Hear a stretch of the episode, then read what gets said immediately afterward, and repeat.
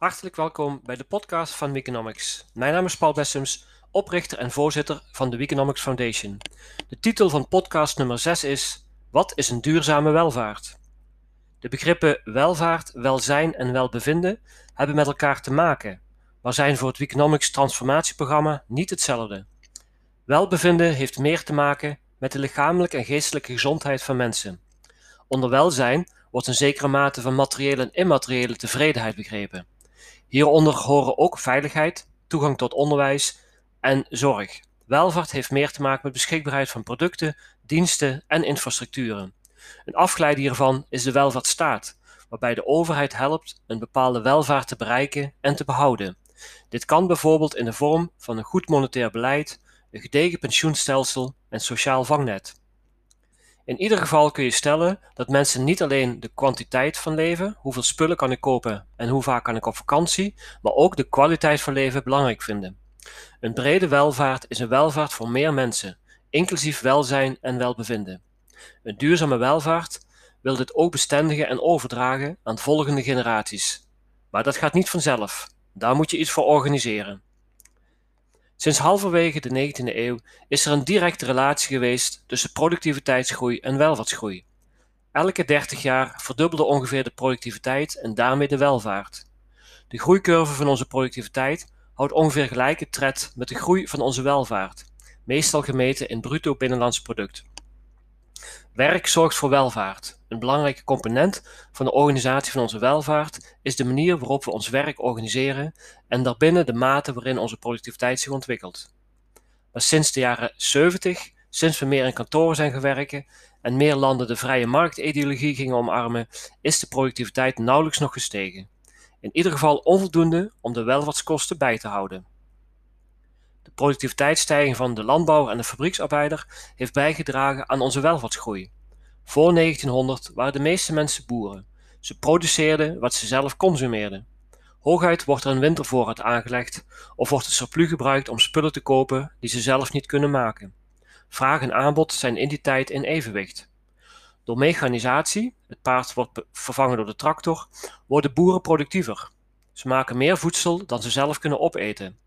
Vervolgens zegt de boer tegen andere mensen: Als jullie in de gemeenteraad gaan zitten, onderwijs geven aan mijn kinderen en zorg verlenen aan mijn ouders, dan maak ik jullie voedsel. Dit herhaalt zich later in de fabriek, waar een beperkt aantal arbeiders voldoende auto's, televisies en speelgoed produceren voor iedereen. Vanaf ongeveer 1900 produceren we dus meer dan we zelf nodig hebben en houden vooral westerse landen extra tijd en geld over.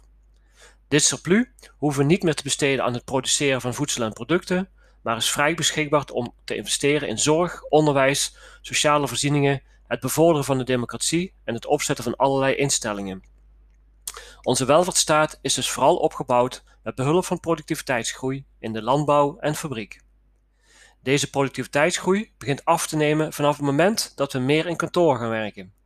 Inmiddels nadert de productiviteitsgroei in de meeste westerse landen de nul, terwijl de kosten voor onze welvaartsstaat met 2 tot 3 procent per jaar groeien. Ondanks enorme investeringen in onderwijs, informatietechnologie en allerlei managementconcepten stijgt de productiviteit in kantoren en daarmee de overal productiviteit minder hard dan de kosten voor onze welvaartsstaat. Om meer welvaart te rechtvaardigen moet je productiever worden.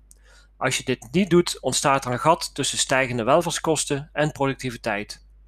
Dit gat kan naast productiviteitsgroei gedicht worden door privatisering, meer schulden, arbeidsmigratie, arbeidsparticipatie of meer kinderen maken.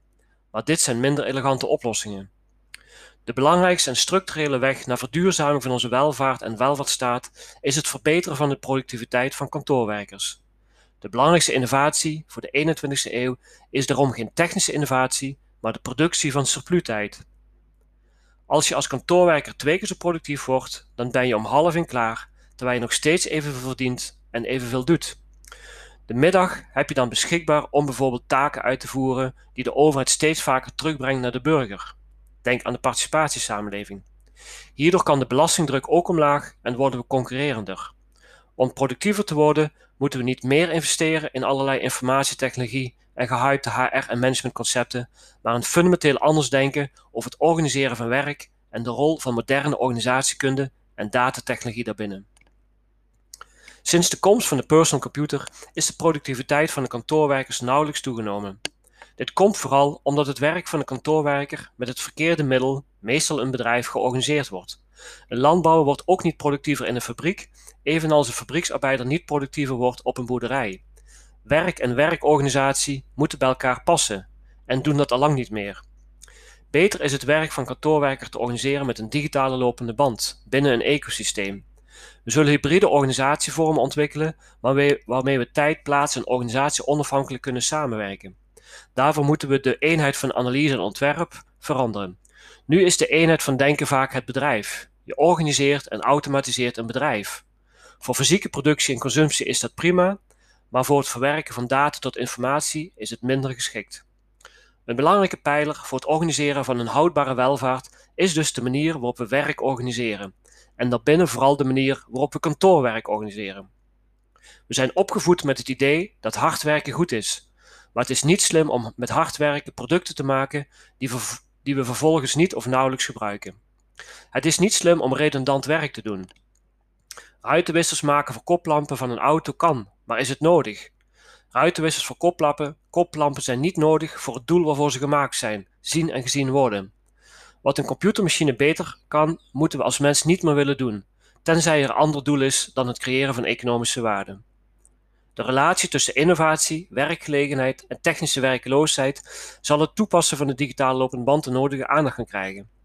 Velen zullen direct zeggen dat technologie ook weer nieuwe banen creëert.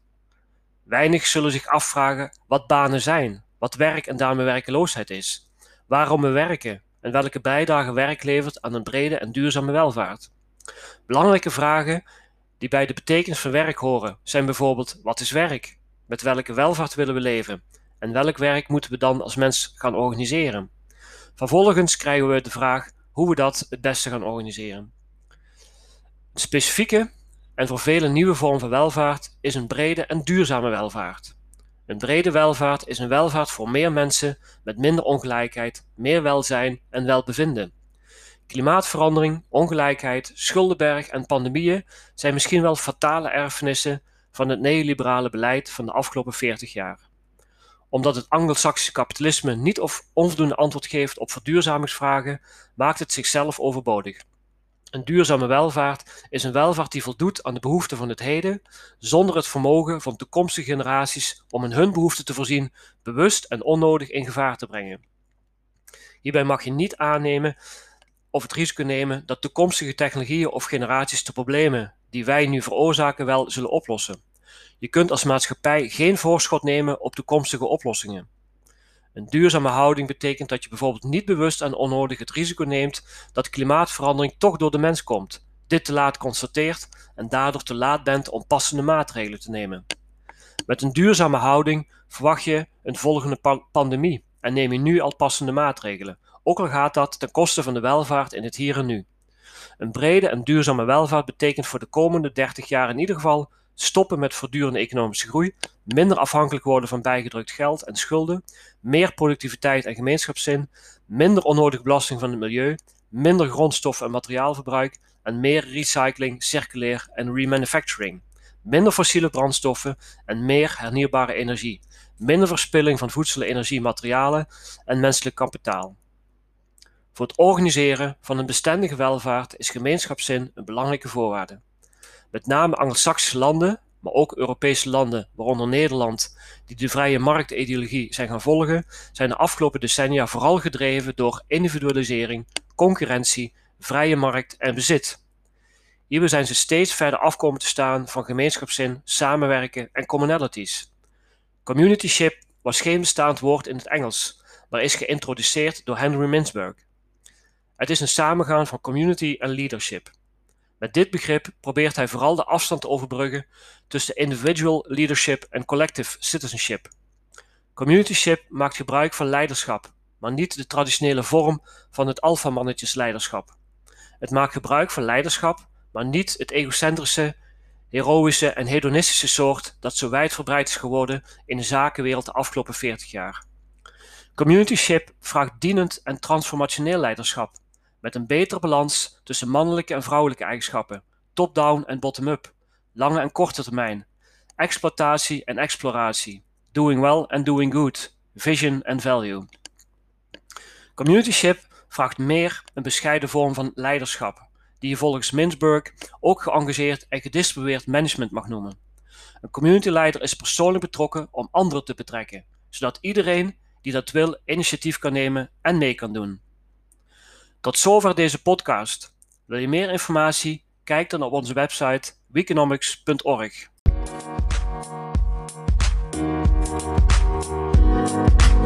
Thank